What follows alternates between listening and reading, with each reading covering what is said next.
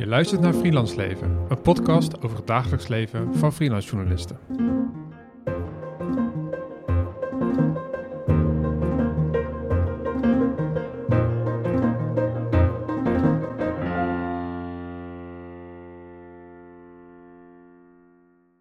Leuk dat je luistert naar weer een nieuwe aflevering van Hashtag Freelance Leven.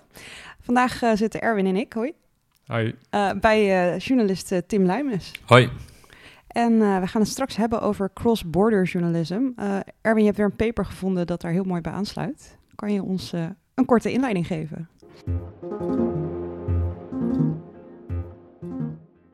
Deze keer behandelen we Transnational Journalism Networks from Below, Cross-Border Journalism Collaboration in Individualized Newswork. Het is geschreven door Annette Heft in 2021 en het verscheen in eh, Journalism Studies. Wat heeft zij gedaan? Zij heeft gekeken naar wat zij noemt eh, bottom-up samenwerkingen tussen internationale journalisten.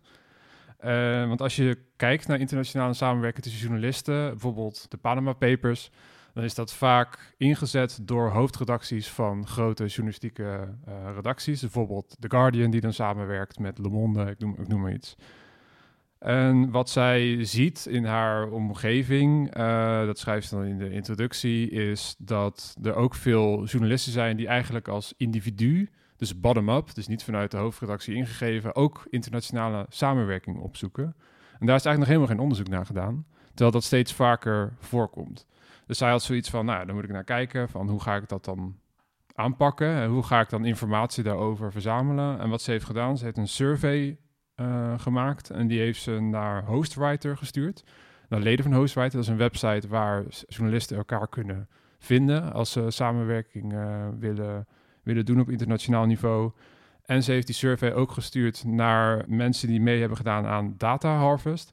En dat is eh, de European Investigative Journalism Conference. Dus daar komen allemaal eh, onderzoeksjournalisten samen die ook op internationaal niveau willen samenwerken. Dus dat is wel een goede bronnen om te kijken van hoe bevalt het nou om dit soort bottom-up samenwerkingen in te zetten. En daar kwamen wel wat interessante data kwam eruit. Er is onder meer gevraagd van waarom werken jullie internationaal samen? En daar kwamen twee, vond ik wel een beetje open deuren uit. Dat was eh, dat, dat het soort verbeterde kwaliteit van journalistiek, omdat je natuurlijk over de grenzen heen kijkt en eh, met een veel bredere waaier bepaalde onderwerpen kan aanvliegen. En het zorgt ook voor meer impact, omdat natuurlijk één verhaal in kranten, in verschillende media, in verschillende landen eh, verschijnt, waardoor je dus met één verhaal, één thema veel meer impact kan maken dan wanneer jij het eh, binnen de eigen landsgrenzen zou houden. Het is ook gevraagd van hoe zien die samenwerkingen er dan uit? Met wie werken jullie dan samen? En wat ik wel opvallend vond, is dat de meeste respondenten zeiden dat het gaat om hele kleine netwerken. Dus het is, meest, het is niet 20, 30, 50 journalisten, zoals je bijvoorbeeld bij de Panama Papers eh, dan zag. Het zijn meestal groepjes van maximaal vijf journalisten die elkaar vinden in een thema waar ze allebei enthousiast eh, over zijn wat ze allebei allemaal belangrijk vinden. En dan gaan ze op die hele kleine schaal gaan ze samenwerken. En dat gebeurt dus steeds vaker binnen de, binnen de internationale journalistiek. En de onderwerpen vond ik ook interessant. Eh, de respondenten zeiden eigenlijk overweldigend dat ze vooral schreven over politiek, migratie en klimaatverandering. Wat ook denk ik niet heel verrassend is, omdat dat natuurlijk drie thema's zijn die per definitie over grenzen moeten gaan, wil je daar ehm, ja, iets zinnigs over kunnen, kunnen zeggen. En eigenlijk een beetje de, de kern van het paper gaat over de voor- en nadelen van dit soort samenwerking. Dat is ook de reden dat ik het wilde behandelen in deze podcast, omdat het zijn vooral freelancers en individuen die dit soort samenwerkingen initiëren. Dus er is ook gevraagd van, nou ja, wat, wat, wat haal je daar dan uit? Maar wat zijn dan ook de, de uitdagingen waar je tegenaan loopt? En dat leidde in, de, in het paper wel tot een mooi lijstje. Eh, de voordelen eh, die het meest genoemd waren, werden eh, door de respondenten was diversiteit van perspectieven. Dus dat je gewoon, je hebt iemand die in Duitsland zit, iemand die in Nederland zit, iemand die in Italië zit en die hebben allemaal een eigen perspectief natuurlijk op een bepaald soort, bijvoorbeeld economisch vraagstuk of eh, klimaatvraagstuk, noem maar op. Dus dat was een heel groot voordeel. Complementie van vaardigheden werd vaak genoemd. Een goede researcher samen met een goede, eh, goede schrijver. Dat, dat zorgt natuurlijk voor een beter verhaal. Eh, emotionele steun werd ook genoemd, vond ik opvallend. Eh, omdat eigenlijk alles ging over het journalistieke vak. Behalve dan even een klein stukje wat ging over Uh, als je even vastzit, als je dan bij iemand terecht kan die snapt waar je mee bezig bent. Ook al is diegene heel ver weg. Ik ben benieuwd wat jij ervan vindt, uh, Tim, straks. Um, kennisdeling werd genoemd. Dus uh, ja, journalisten hebben toegang tot verschillende databases. Waar je anders als Nederlander bijvoorbeeld geen toegang tot, hebt. Of je weet helemaal niet waar je terecht kan. En over het algemeen zeiden eigenlijk alle respondenten dat het zorgde voor betere journalistiek. Omdat je constant de reflectie automatisch doet met andere journalisten. En uh, dat hebben we al eerder over gehad in deze podcast. Reflectie gebeurt niet heel vaak binnen journalistiek. Maar in internationale context gebeurt dat eigenlijk automatisch, omdat je wel moet reflecteren op elkaars werk. Um, en dat brengt me ook wel een beetje bij de nadelen, uh, als ik het over het reflecteren heb van, van uh, dit soort bottom-up samenwerkingen, die worden genoemd. Uh, een daarvan is communicatie en coördinatie. de respondenten zeggen bijvoorbeeld dat je kan elkaar niet echt vaak ontmoeten, dus je bent heel vaak aan het videobellen. Je hebt hele lange mailwisselingen. Uh, en je hebt ook allerlei cultuurverschillen, en, uh, journalistieke cultuurverschillen, maar ook gewoon algemene cultuurverschillen, waardoor het soms leidt tot miscommunicatie, waardoor het soms moeilijk is om te begrijpen wat iemand echt wil. Waar, en soms vindt iemand een facet van een journalistiek verhaal belangrijker dan jij dat misschien vindt, omdat dat meer relevant is binnen hun context. En dat kan dan ook voor wrijving zorgen tussen uh, verschillende journalisten die samenwerken. Uh, onduidelijkheid over rolverdeling uh, haakt daar ook wel een beetje in aan. Er zijn vaak individuen die niet dus een soort hoofdredacteur zijn, uh, die kunnen zeggen van nou ik ben de baas en zo gaan we het aanpakken. Het zijn meestal enthousiaste individuen die samenwerken, die eigenlijk op papier dezelfde soort rang of status hebben. Maar er moet wel iemand zijn die de kaart trekt. Dus eigenlijk ook iemand zijn die de leiding heeft over een, over een bepaald project. En dat werd dan soms als moeizaam ervaren door de respondenten. Um, ja, weinig geld. Dat is uh, een rode lijn in deze hele podcast. uh, en in het freelance leven van iedereen. Maar dat werd natuurlijk genoemd. Ja. Er is weinig geld beschikbaar. Um, dus er moeten vaak fondsen worden aangevraagd. Wat een, uh, een, een tijdrovend traject is.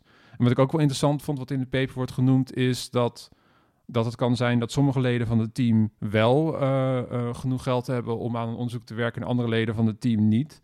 En dat zij dan plotseling ander werk moeten gaan doen om gewoon de huur te betalen, waardoor ze niet meer betrokken kunnen zijn bij het onderzoek waar ze het liefst aan willen werken. En dat dat ook weer natuurlijk met, met verschillende, dat iedereen met een verschillende context te maken heeft. Het, het, scheelt nog wel wat of je een journalist bent in Nederland of in een westers rijk land of in een niet-westers land, uh, ja, waar, waar, het gewoon veel moeilijker is om uh, geld te krijgen voor, voor journalistiek die je belangrijk vindt. En de laatste um, nadeel was uh, teambuilding. En dat haakt natuurlijk weer aan bij de communicatie en coördinatie. Uh, de respondenten zeggen dat het gewoon, je kan eigenlijk bijna niet een biertje gaan drinken met je collega's.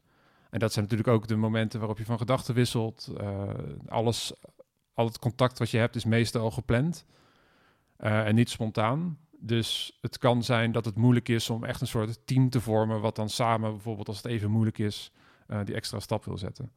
Dus uh, ja, dat waren eigenlijk de voor- en nadelen die uit het paper uh, kwamen. Ik vond het heel interessant, omdat het een soort eerste blik is in deze bottom-up-achtige samenwerkingen. En ja, dan zou ik echt het bruggetje willen maken naar jou, Tim. Want jij doet dan dit soort bottom-up internationale samenwerkingen. En we zijn vooral heel benieuwd wat jij van dit paper natuurlijk vindt. En um, ja, of dit een beetje jouw ervaring als, ja, als, als iemand die internationaal werkt uh, samenvat. Maar zou je daarvoor even kunnen vertellen eerst uh, wie je bent en wat je eigenlijk allemaal doet? Ik ben Tim Luimers, ik ben freelance onderzoeksjournalist. Ik uh, zit bij het collectief de Investigative Desk in Amsterdam. En ik doe nu een cross-border project met vijf onderzoekspartners in vijf verschillende landen. In Nederland, België, Frankrijk, Duitsland en Italië. En Frankrijk werkt samen met Le Monde, en in Duitsland sinds kort met de Süddeutsche Zeitung. Um, en we doen onderzoek naar chemische vervuiling in Europa. En um, ja, ik, heb de afgelopen jaren gepubliceerd bij Follow the Money, NRC, de Vrij Nederland, de Groene Amsterdammer, uh, verschillende media in Nederland. En ja, ik vond het, um, het paper wel heel herkenbaar eigenlijk. Alle punten die je net opnoemde, die waren stuk voor stuk wel herkenbaar. Uh, dus het is wel grappig om een keer een wetenschappelijk onderzoek naar je eigen werk te lezen eigenlijk. En, dat, en, en het klopte ook precies. Of, nou ja, misschien niet precies altijd, maar het, werkte, het klopte wel gewoon. Het kwam heel erg overeen met, uh, met hoe ik het ervaar. Je zegt het klopt niet helemaal precies. Heb je al een punt waarvan je denkt, hey, daar moet ik alvast even een correctie op... Uh... Er was één puntje, maar ik weet het even uit. Het was niet belangrijk genoeg om het daarover te hebben, eigenlijk.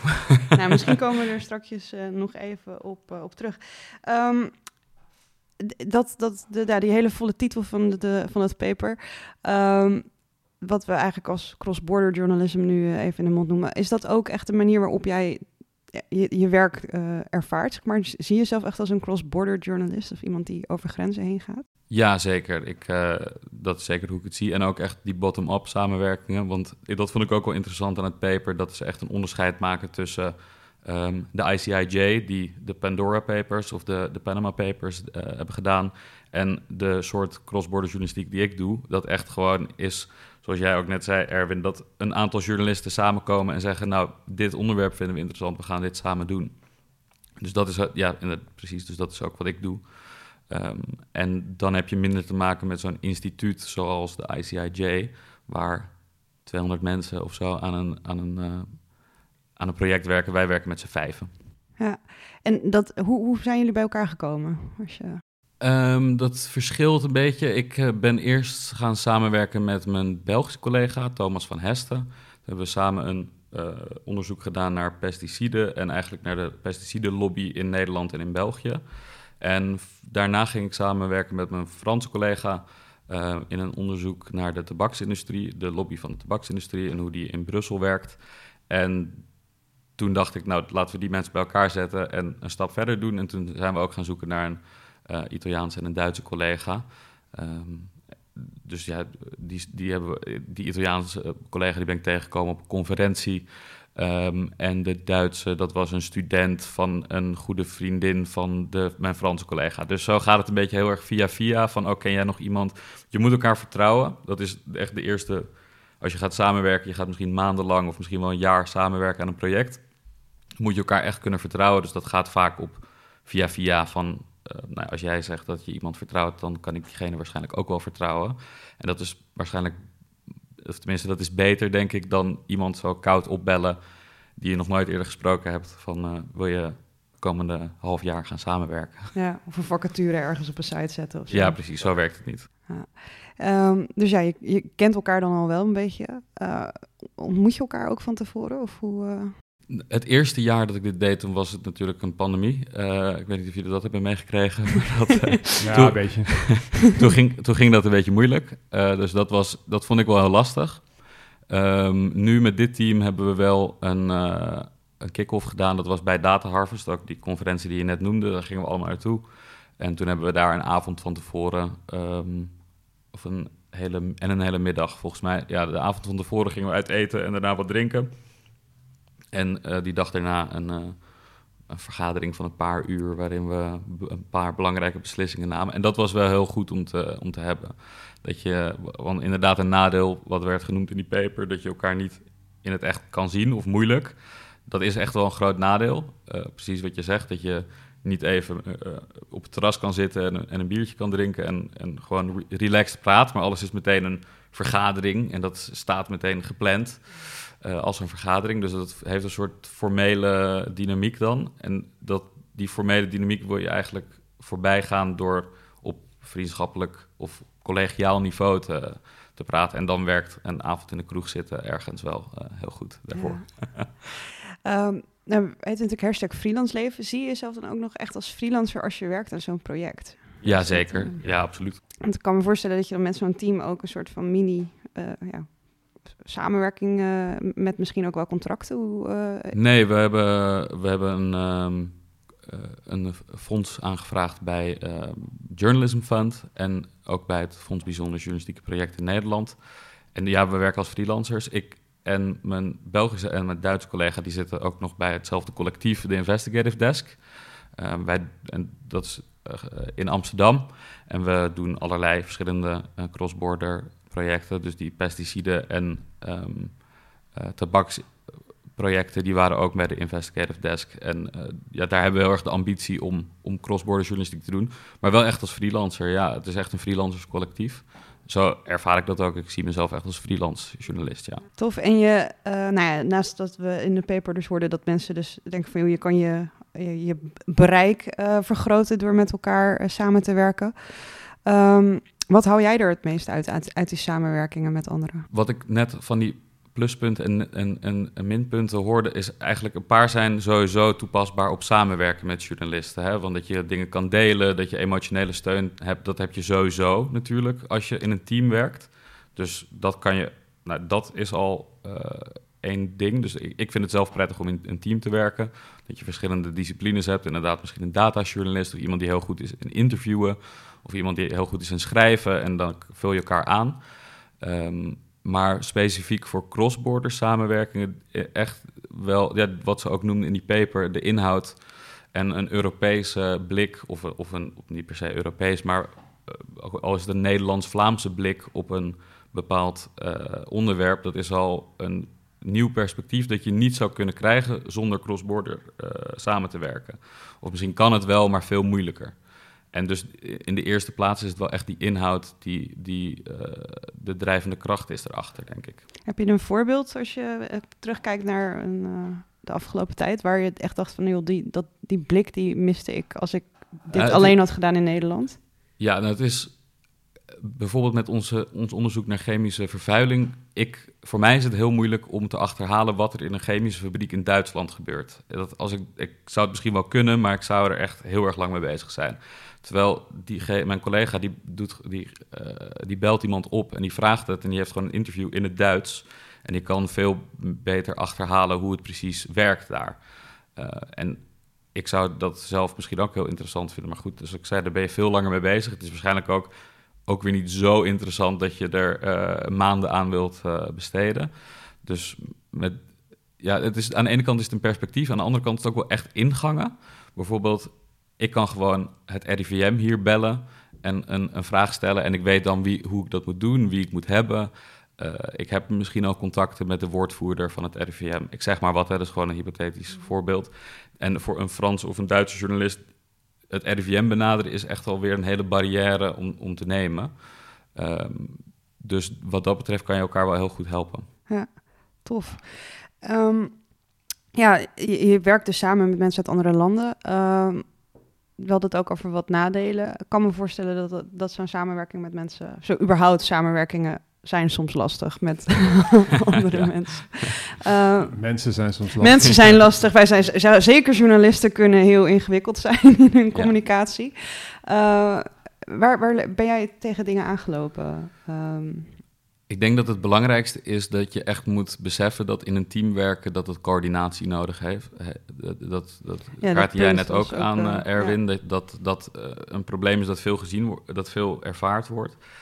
Um, ik heb dat ook gezien, dat als je niet een duidelijke coördinator aanwijst en jij gaat gewoon, en diegene gaat gewoon zorgen dat de fondsen geregeld zijn, dat de, de, de updates naar die fondsen uh, op tijd eruit zijn, dat de deadlines gehaald worden, dat de afspraken met alle verschillende publicatiepartners over de verschillende publicatiedata, dat het allemaal op één lijn zit. Daar moet gewoon één iemand voor zijn die dat regelt.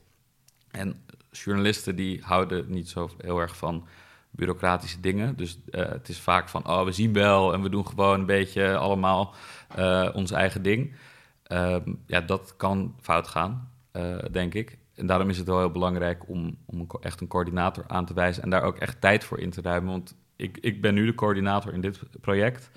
En het kost, ik had al ingeschat dat het veel tijd zou kosten, maar het kost nog meer tijd dan ik dacht. Want er ging iets fout en dan moet je het weer opnieuw doen. En uh, weet je, je hebt een afspraak met een bepaalde publicatiepartner in, in Duitsland. En uh, dat gaat, blijkt niet door te gaan om de een of andere reden. Dan moet je weer opnieuw doen. En het kost allemaal tijd die je van tevoren niet hebt ingeschat. Dus je moet ook een soort redundancy inplannen van, voor, voor, die coördinatietijd. Ik denk dat dat wel echt een van de. Nou, ik weet niet of het een nadeel is, want als je het van tevoren bedenkt, dan, dan is het niet per se een nadeel. En als je er oké mee bent van ja, ik ben die coördinator, ik ga dit soort taakjes doen en ik ga spreadsheets bijhouden en zo, dan is het minder erg maar als je van tevoren niet beseft dat dat moet, en dan kom je er halverwege achter dat, dat je eigenlijk allemaal dat soort dingen ook moet regelen, dan kan dat denk ik wel heel frustrerend zijn. Omdat je eigenlijk, je wilt gewoon mensen interviewen, je wilt gewoon je research doen en niet administratie. Ad, niet administratie voor een team van vijf mensen. Dus het hoeft geen nadeel te zijn, maar als je er niet op voorbereid bent, dan kan het dat wel zeker zijn. En qua communicatie, ja, je hebt, je hebt cultuurverschillen. Ik denk dat het belangrijk is om daar open over te zijn. En als je uh, en er rekening mee te houden als Nederlander, kan je wat direct overkomen of onbeschoft uh, in de ogen van andere landen. Uh, van mensen uit andere landen. En Britten die zijn juist, die zeggen niks recht voor zijn raap. En dat kan ook juist heel irritant zijn als je een Nederlander bent, die, dan zegt een Brit die zegt, oh, that's really interesting. En dat betekent dan, ik vind er echt helemaal niks aan. uh, en dat moet je dan kunnen lezen. Dus dat soort cultuurverschillen, dat, dat is, ja, dus, ik denk dat het belangrijk is om er bewust van te zijn en er ook open over te zijn in je team. Van wat zijn die cultuurverschillen en het daar gewoon over te hebben. Uh, en dan, dan kan je dat denk ik wel oplossen. Ik heb niet hele grote problemen daarmee nu of zo. Dat is fijn. uh, je hebt dus van tevoren dan zo'n vergadering uh, gehad uh, voor je dat je begint met je project. Um, zijn er ja, dan nog dingen waar je echt sowieso ook afspraken op papier over maakt? Ja, we hebben een Memorandum of Understanding gemaakt. Um, of opgesteld. Dat is Arena for Journalism. Dat is een organisatie die zich hiermee bezighoudt. Die organiseerde ook Data Harvest. Die hebben een soort template hiervoor gemaakt. En dan kan je gewoon alles invullen ook dingen waar je echt nog nooit over had nagedacht, dat je dat misschien van tevoren moet vastleggen, dat, dat staat daar dan in. Dat hoef je niet per se vast te leggen, maar het is misschien wel goed om erover na te denken. Wat zijn nou voorbeelden van dingen waar je niet over nagedacht had? Um, ja, wat doe je als je een conflict hebt over de inhoud, dat je er niet samen uitkomt? Oh ja, ja. Uh, en, het is gewoon echt, echt op detailniveau. Dat soort. Uh, ja, maar het is wel heel goed om daarover na te denken van tevoren. Van ga ik dan gewoon doen wat ik wil en ga jij doen wat jij wil? En dan uh, hoe, hoe, hoe, hoe doen we dat? Uh, dat is wel goed om het van tevoren over te hebben. En uh, wie zijn naam komt boven welk artikel. Als, wij, als, als we allebei in Nederland en België publiceren, komt dan mijn naam alleen in Nederland en mijn Belgische collega alleen in België, of allebei de namen alle, overal. Kan, misschien allebei de naam overal, maar als je met een team van vijf zit, eh, dan krijg je het probleem bij een krant dat ze zeggen: ja, hallo, vijf namen bij één artikel. Dat vinden we een beetje overdreven. Hoe regel je dat dan? Nou, dat soort dingen die staan allemaal in dat, in dat template en daar en dat kan je dan gewoon invullen. En daar, we hebben daar geen handtekening onder gezet of zo. Maar dat is gewoon iets om op terug te vallen op het moment dat er. Uh, een ander voorbeeld misschien is um, wat als er iemand tijdens het project geen tijd meer blijkt te hebben. Omdat diegene een baan aangeboden krijgt. Of een, uh, of een ander project gaat doen. Of gewoon niet zo goed zijn tijd heeft ingecalculeerd. Hoe ga je daarmee om? Schop je diegene uit het team? Uh, of uh, moet diegene het geld teruggeven van het, van het uh, van Journalism Fund aan de rest van het team? Misschien heeft diegene dat al opgemaakt. Dat soort dingen moet je allemaal van tevoren over nadenken. In, maar dat moet sowieso in een team, denk ik. En niet alleen een cross-border team. Hmm. En maakt het het dan nog anders, uh, zulke gesprekken over... Want ik kan me ook voorstellen dat als je in Frankrijk leeft... dat dan de kosten die je maakt uh, in je dagelijks leven lager zijn. Dus dat geld... Parijs niet hoor. Nee, oké. Okay. Misschien in Parijs niet. Nee. Ja, dat is inderdaad wat ik... Ja, maar zit daar dan nog een verschil in qua van... Joh, jij woont in een gebied waar je minder gel geld nodig zou hebben of zo? Ja, nou, de, volgens mij bij Journalism Fund vragen ze het gemiddelde journalistieke, het gemiddelde inkomen van een journalist in je land. Maar dat is heel moeilijk te berekenen, want wat reken je dan? En, en, en in elk land is dat ook weer op een andere manier te berekenen, dus dat was best wel lastig. Dus volgens mij hebben we dat uiteindelijk gewoon gelijk getrokken omdat het anders ook, ja, dan is Italië lager dan Nederland. Maar op basis waarvan precies, dan is niet helemaal duidelijk. En misschien verdienen journalisten daar ook gewoon wel veel te weinig. Dat ik ook denk, nou, uh, eh, 800 euro per maand, uh, dat is misschien wel heel weinig. Dus we hebben dat uiteindelijk gewoon uh, gelijk getrokken en dat werkt wel goed. En we hebben dan wel in Nederland nog een extra beurs aangevraagd bij het Fonds Bijzondere Journalistieke Projecten. Dus op die manier hebben we wel hier iets meer dan in andere landen. Ja, maar jij maakt ook meer uren nu. Toch? Ja, als coördinator maak ik meer uren, ja. Ja, oké. Okay. Um, ehm, je had het, uh, we hebben het even kort een beetje voorgesproken, ook uh, voordat we aan de podcast begonnen. Uh, wat ik ook wel interessant vond, was dat je in verschillende landen ook anders kijkt naar hoe je juridisch aangepakt wordt op bijvoorbeeld de publicatie, publicatie van stukken. Um, ja, kan je misschien daar nog wat meer context bij geven? Van hoe, uh, waar zitten die verschillen in? Nou, in Italië was er bijvoorbeeld het probleem dat je, uh, als je echt onderzoeksjournalistiek naar een bedrijf gaat doen, dat ze je soms al aanklagen voordat je gepubliceerd hebt. Dus op het moment dat, dat zij weten dat je met hen bezig bent, dan klagen ze je meteen aan. En dan kom je in een soort juridische procedure waar je advocaten voor moet huren. En dan heb je gewoon uh, duizenden euro's nodig om daar doorheen te komen. Dus dat is best wel een groot probleem in Italië.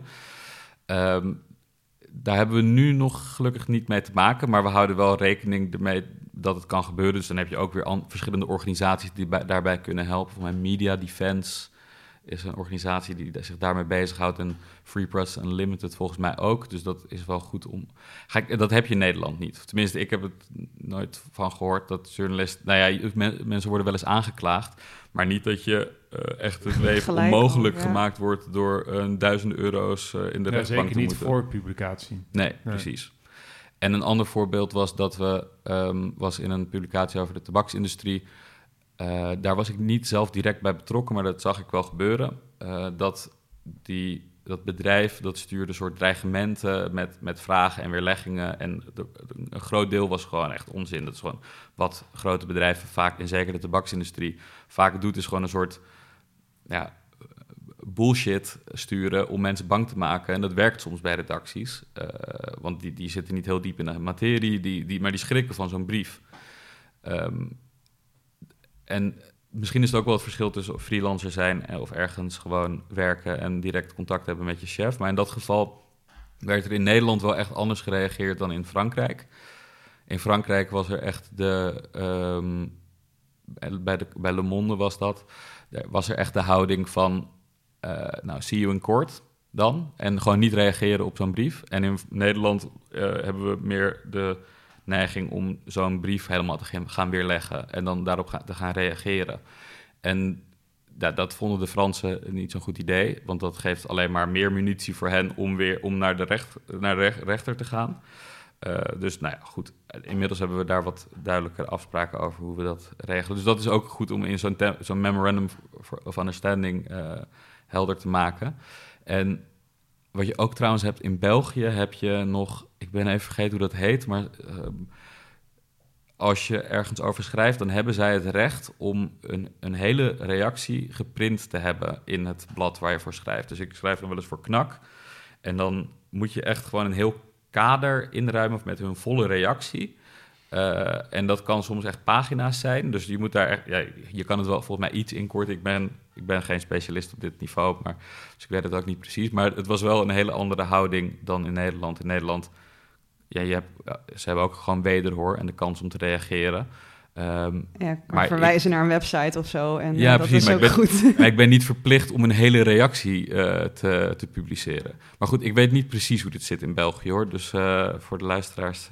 ja, als bedrijf zou je zeggen van schrijf gewoon een heel boek ja. als reactie. Dan, uh, ja, dan uh, de uitgever die heeft dan ook waarschijnlijk zoiets van ja, maar, dat, maar ja, het is wel, Ik weet ook niet precies hoe dat zit natuurlijk. Nee, maar ik kan me wel voorstellen dat daar flinke verschillen in zitten per land. Uh, en dat dat wel zijn risico's meeneemt. je zegt wel dat je dus echt, echt heel erg focust op Europa. Of in ieder geval de omringende landen in de buurt. Um, ja, Erwin, jij had het erover dat in de literatuur er ook vaak verwezen wordt dat in landen die niet westers zijn, dat we daar door ja, in de, in de cross-border journalistiek een soort blind spot voor hebben. Ja, in, de, in, het, in het paper wordt specifiek genoemd dat uh, dit, soort, dit soort samenwerkingen vooral worden geïnitieerd door westerse journalisten. En als zij dan contact zoeken met niet-westerse journalisten, dan reageren die niet-westerse journalisten vaak met: jullie hebben een beetje een zwart-wit beeld van hoe het gaat bij ons. Omdat jullie heel erg vanuit jullie westerse blik kijken naar de journalistiek en ook naar uh, hoe het zou gaan in ons land. Uh, ik vond dat wel, dat, dat was maar een heel klein stukje in het paper, maar ik vond het wel een interessant inzicht. Want, want Tim, jij werkt natuurlijk vooral met Duitse, uh, weet je, Duits, Frans, wel toch wel de, de, de, over het algemeen dezelfde culturele, brede culturele insteek, met, met de verschillen natuurlijk die er zijn. En ik kan me voorstellen als dit natuurlijk veel, nog veel groter wordt en vaker gebeurt, dat je dan echt enorme culturele verschillen krijgt. En misschien ook wel onbegrip voor elkaar situatie.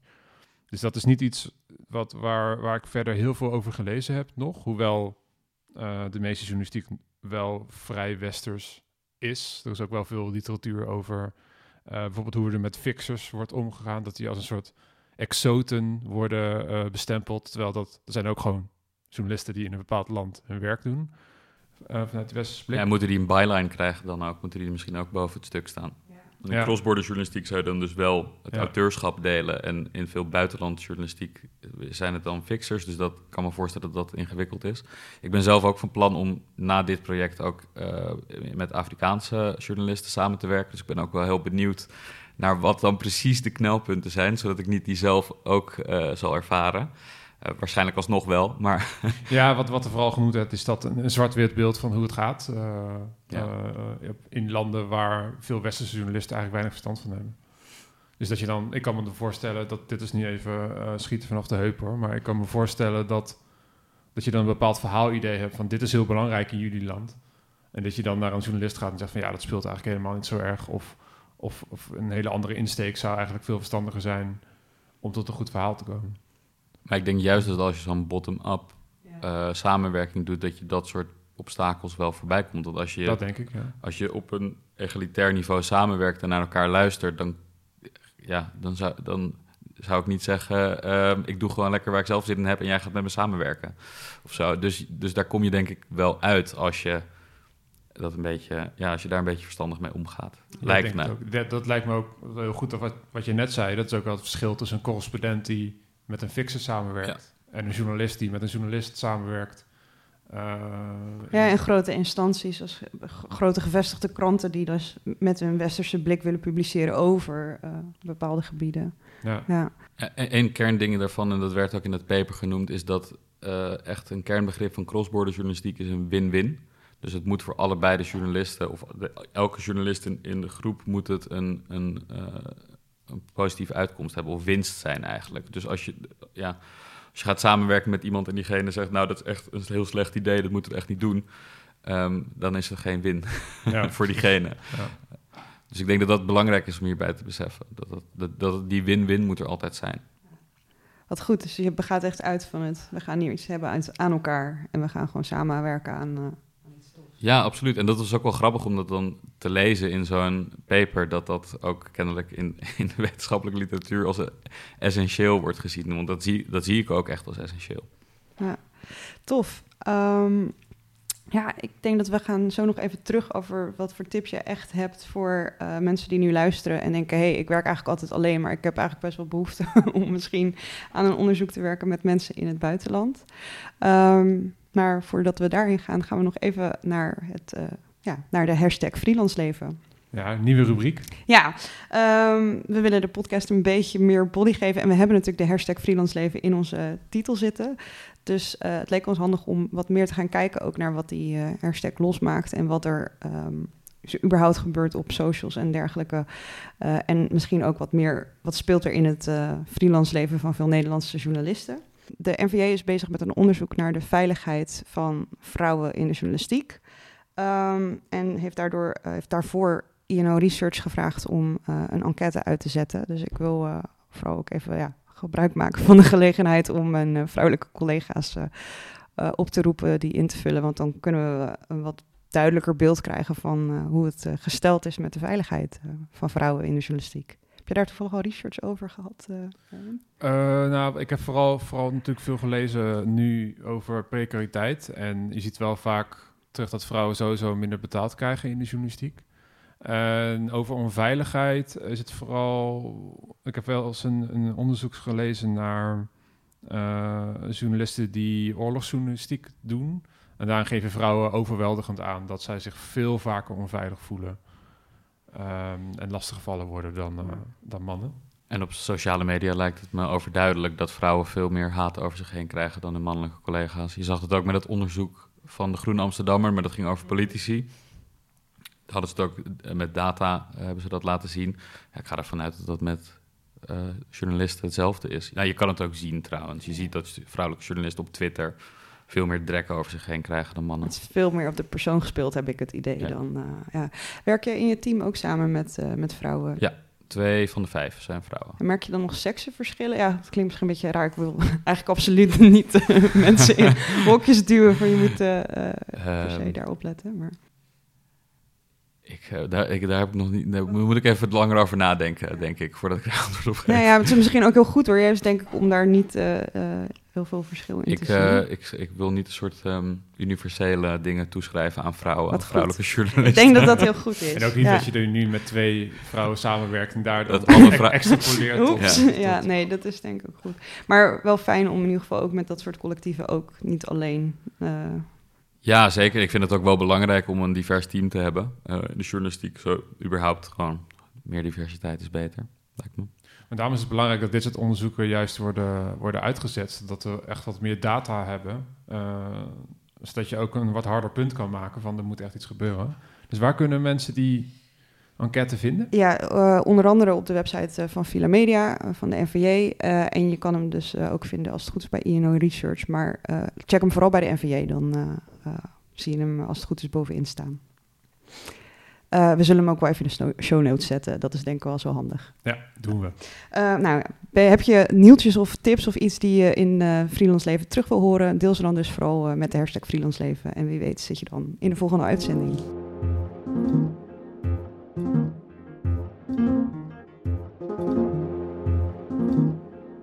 komen we nog even terug bij jou, uh, Tim. We ja, hebben, mijn tips. Ja, je hebt... Uh... ik had een aantal tips opgeschreven, inderdaad. Um, ja, een, een, aantal zijn ook wel echt al voorbij gekomen uh, in het gesprek net. Maar um, ik denk dat het eerste die heel belangrijk is, en, maar dat, en dat geldt sowieso voor in teams samenwerken, maar dat je je partners heel goed uitkiest en zorgvuldig uh, uitkiest. Dat je niet zomaar met iemand gaat samenwerken omdat je uh, nog iemand nodig hebt om je internationale subsidie uh, te krijgen. Dat is niet de goede reden om met iemand samen te werken. Dus ja, besteed daar tijd aan.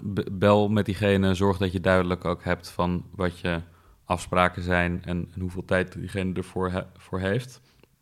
Um, en, en ik denk ook inderdaad, probeer echt met elkaar in het echt af te spreken. Wat wij ook gedaan hebben met Data Harvest bijvoorbeeld. En ik denk dat dat ook een goede gelegenheid is als, als je die mogelijkheid hebt om daar af te spreken.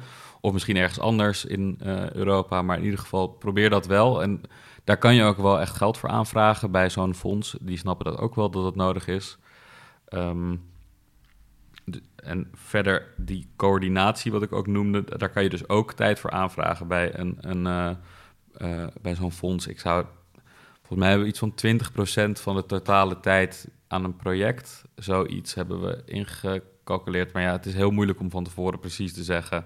Het hangt er ook vanaf met hoeveel mensen je samenwerkt. Maar als je met drie of meer mensen gaat samenwerken, dan moet je denk ik wel een coördinator aanwijzen. Met z'n twee hoeft dat denk ik niet. Als het nou, als het nou heel erg uitloopt, want het is natuurlijk moeilijk te, te plannen, kan je dan ook bij zo'n fonds terecht en zeggen van hé, hey, het is uitgelopen, we hebben wat meer tijd nodig. Hebben jullie nog wat meer uh, steun voor ons? Of werkt het niet zo? Tijd kan wel, maar meer geld weet ik niet eigenlijk. Ik heb het nog nooit eerder geprobeerd. Ja, ik heb wel deadlines gewoon altijd. Uh, nee, maar die, we hebben hem nu ook weer twee maanden uitgesteld. Maar wat, ik, wat je kan doen is een ander fonds aanvragen. Okay, uh, dat, ja. dat, dat, ik heb nog nooit eigenlijk geprobeerd bij hetzelfde fonds terug, terug te komen om te vragen voor meer geld. Ik heb wel nu twee aanvragen bij Journalism Fund voor dit project, maar dat is voor verschillende onderdelen. Want binnen het project hebben we verschillende takken eigenlijk. En we hebben voor de eerste aanvraag was, is voor de ene tak en de tweede aanvraag is voor de andere tak. En hierna is er weer een deadline voor IJ voor EU. Dat is een ander fonds waar je ook geld kan aanvragen. En die fondsen vinden het ook helemaal niet erg als je dat allebei doet. Sommige journalisten denken van, oh, dat, dat kan niet of zo. Ja, juist wel. Dat vinden ze juist wel prettig. Dat zij niet de enige zijn die, die, die ervoor op hoeven te draaien. Dus dat is ook wel echt een tip van probeer dat te spreiden erover. En, en, en bereid die aanvragen goed voor. Sowieso doe een aanvraag, want uh, er is heel veel geld. En als je alleen maar van media afhankelijk bent, dan ga je het denk ik niet redden. Of misschien wel, maar uh, lastiger. Uh, dus doe daar een aanvraag, bereid dat goed voor. Besteed daar genoeg tijd aan, met z'n allen ook, dat je er allemaal over eens bent. Het is eigenlijk al een soort plan maken voor je onderzoek. Dus die vragen die worden gesteld door zo'n fonds, die zijn ook wel goed in het toespitsen van waar ben ik nou eigenlijk mee bezig. En wat is mijn onderzoeksvraag nou eigenlijk? Wat wil ik nou precies onderzoeken? Andere tip die ik heb is klein beginnen. Ik denk dat de valkuil kan zijn dat je meteen met uh, half Europa wil samenwerken. Of meteen met vijf, ook, zoals ik nu met vijf mensen. Ik zou het eerst gewoon met één iemand anders doen. Of misschien met z'n drieën. Maar ik denk eigenlijk het beste om met één iemand samen te werken. Überhaupt van lig je elkaar een beetje? Kan je, ben je een goed team? Voordat je weer een derde persoon erbij neemt. Elke persoon in een team maakt de verhoudingen weer complexer. Kan er meer misgaan? Misschien mag, mag je diegene eigenlijk, denk je halverwege, Jezus, wat, een lul, die gast. Uh, dus dat is wel fijn om dat je dat niet met vijf mensen tegelijk hebt, maar dat je dat met één iemand uh, tegelijk die dynamiek probeert te onderzoeken. Dan nog een tip is um, nou, bewust zijn van die, van die cultuurverschillen. Ik zou zeggen, ja, praat daarover. Ik denk dat een, die juridische dingen, dat je daar sowieso over moet praten natuurlijk. En ook de financiële situatie moet je sowieso over praten. Maar ook de omgangsvormen met elkaar van, uh, is, is goed om daar gewoon open over te zijn. En ik denk één belangrijke tip ook nog is, dat hangt ook wel samen met kies je samenwerkers, samenwerkingspartners goed uit, is dat je heel duidelijk moet zijn wat je van elkaar verwacht. Van hoeveel tijd ga jij erin steken, hoeveel tijd ga ik erin steken. Um, als je dat, daar niet duidelijk over bent, dan kom je misschien na een tijdje erachter dat diegene eigenlijk veel minder tijd hebt dan je, heeft dan je van tevoren dacht. En dan kan het heel lastig zijn om je project af te maken. Als jij denkt dat diegene fulltime de tijd heeft voor je project de komende drie maanden, maar dat blijkt maar anderhalve dag in de week te zijn, dan kan het best uh, voor moeilijkheden Klinkt zorgen. alsof je dit wel eens hebt meegemaakt. Ja. dus het is wel heel goed. Ja, en, en, en dat kan ook echt uh, fout aflopen dan. Van hoe, hoe, want hoe kan je dat dan nog overbruggen als je daar niet uh, duidelijk over bent geweest? Uh, dus vooraf en niet achteraf. Ja, daar pas niet pas als het probleem naar boven komt het erover hebben. Dat is, dus denk ik wel, eigenlijk met alle problemen met, in zo'n samenwerking is het denk ik goed om het er al in ieder geval even over nagedacht te hebben. Goed, ja, stof tot nadenken en, uh, en, en super interessant om ook te horen van jou uh, dat het toch best wel veel uh, over, dat het onderzoek veel overeenkomt met wat jij meemaakt in de praktijk. heel erg bedankt dat we bij je langs mochten komen. Graag gedaan. Freelance Leven wordt mede mogelijk gemaakt door het Lira-fonds ReproRecht. Mijn promotieonderzoek, dat ten grondslag ligt aan deze podcast, wordt mogelijk gemaakt door Stichting Democratie en Media en het Stimuleringsfonds voor de Journalistiek. Wij zijn er volgende maand weer met een nieuwe aflevering. Tot dan!